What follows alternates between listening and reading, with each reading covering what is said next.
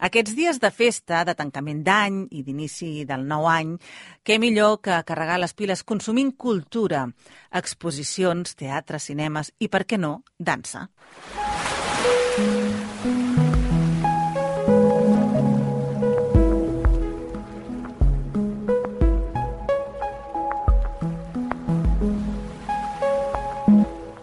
Un bon espectacle de dansa et fa mutar. Qui balla muta, així es presentava la temporada del Mercat de les Flors i seguint el seu programa perquè volem mutar, volem disfrutar-ho, la Casa de la Dansa ha presentat aquesta setmana tres obres adreçades als més joves. Estem parlant de Tempo, de Toni Mira, Firmamento, de la Veronal i Plankton, de Big Bouncers. Àngels Margarit és la directora del Mercat de les Flors. Àngels, molt bon dia. Bon dia. Què hi trobarà la gent jove, especialment aquests, aquests dies en el Mercat de les Flors, amb aquestes peces? Bueno, doncs són tres peces eh, especials que estan d'alguna manera pensades per un públic molt ampli, vull dir, no només per als més joves, però sí pensades a atraure l'atenció de les persones més joves, eh, per les temàtiques que tracten, per la manera en què les tracten, no? per, eh, per d'alguna manera donar un, un tipus d'espectacle que és més fàcil per, per això, per uns públics més amples i sobretot per gent jove. En el cas de la música que sentíem ara, que és Plankton, eh, és una coreografia sobre la curiositat dels infants per la naturalesa i el plàncton. Què és el que ens explica?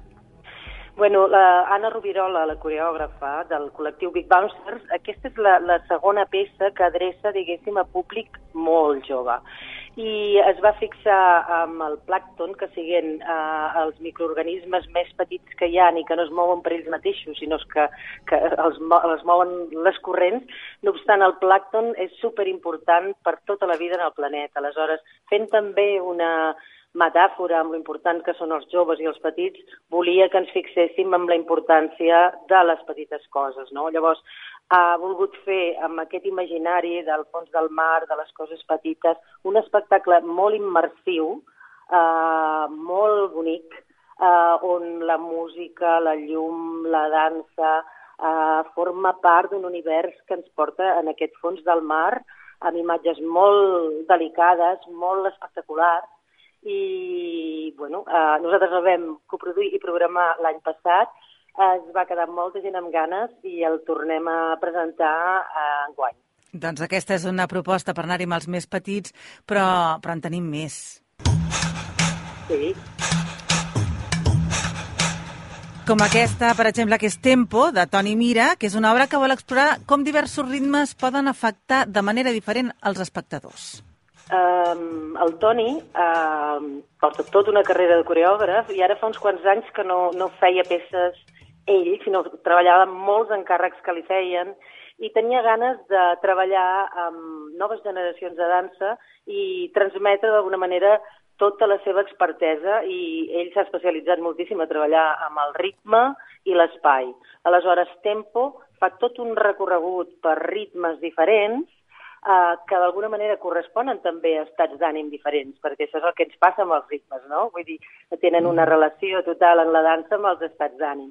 Llavors, aquesta, aquest espectacle del Toni, d'alguna manera, és, ens invita a veure la seva gran expertesa com a coreògraf i alhora veure gent molt jove que té un gran potencial, eh, una gran informació de maneres de ballar molt diferents i recull doncs, això, tota la, tota, una mica tota la seva trajectòria. És un espectacle adreçat a tots els públics, es recomana a partir de 12 anys, però és un espectacle per tothom perquè la dansa d'alguna manera arriba a tothom i el tipus de format, la durada que té i aquesta invitació que crec que tothom surt amb unes ganes baixes de ballar, a ballar, realment es pot compartir amb totes les edats.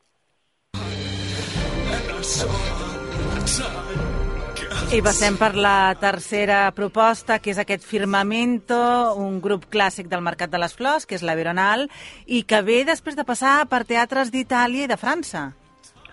Sí, la Veronal va estrenar el Firmamento en el marc del, del grec i ara torna aquestes tres setmanes. Uh, és la primera vegada que Marcos Morau enfoca uh, un espectacle, una creació uh, pensada a un públic uh, adolescent.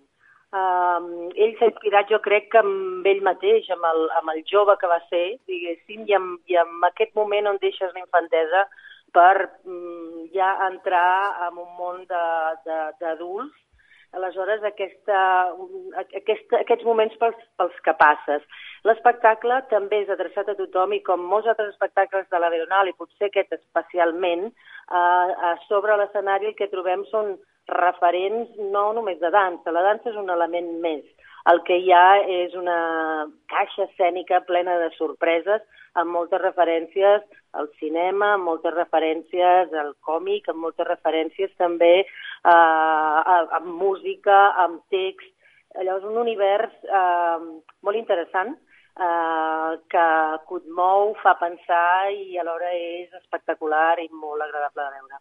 Tres propostes que, com dèiem, són molt familiars, però que, evidentment, són aptes per totes les edats, fins a l'edat que vulguem, no? Sí, exactament. O sigui, el, el plàcton és a partir de 7 anys, seria que aquest sí que convoca els més joves. A més a més, és com que és un espectacle immersiu, té poca cabuda de públic i, per tant, sí que és un, un àmbit de, de més joves.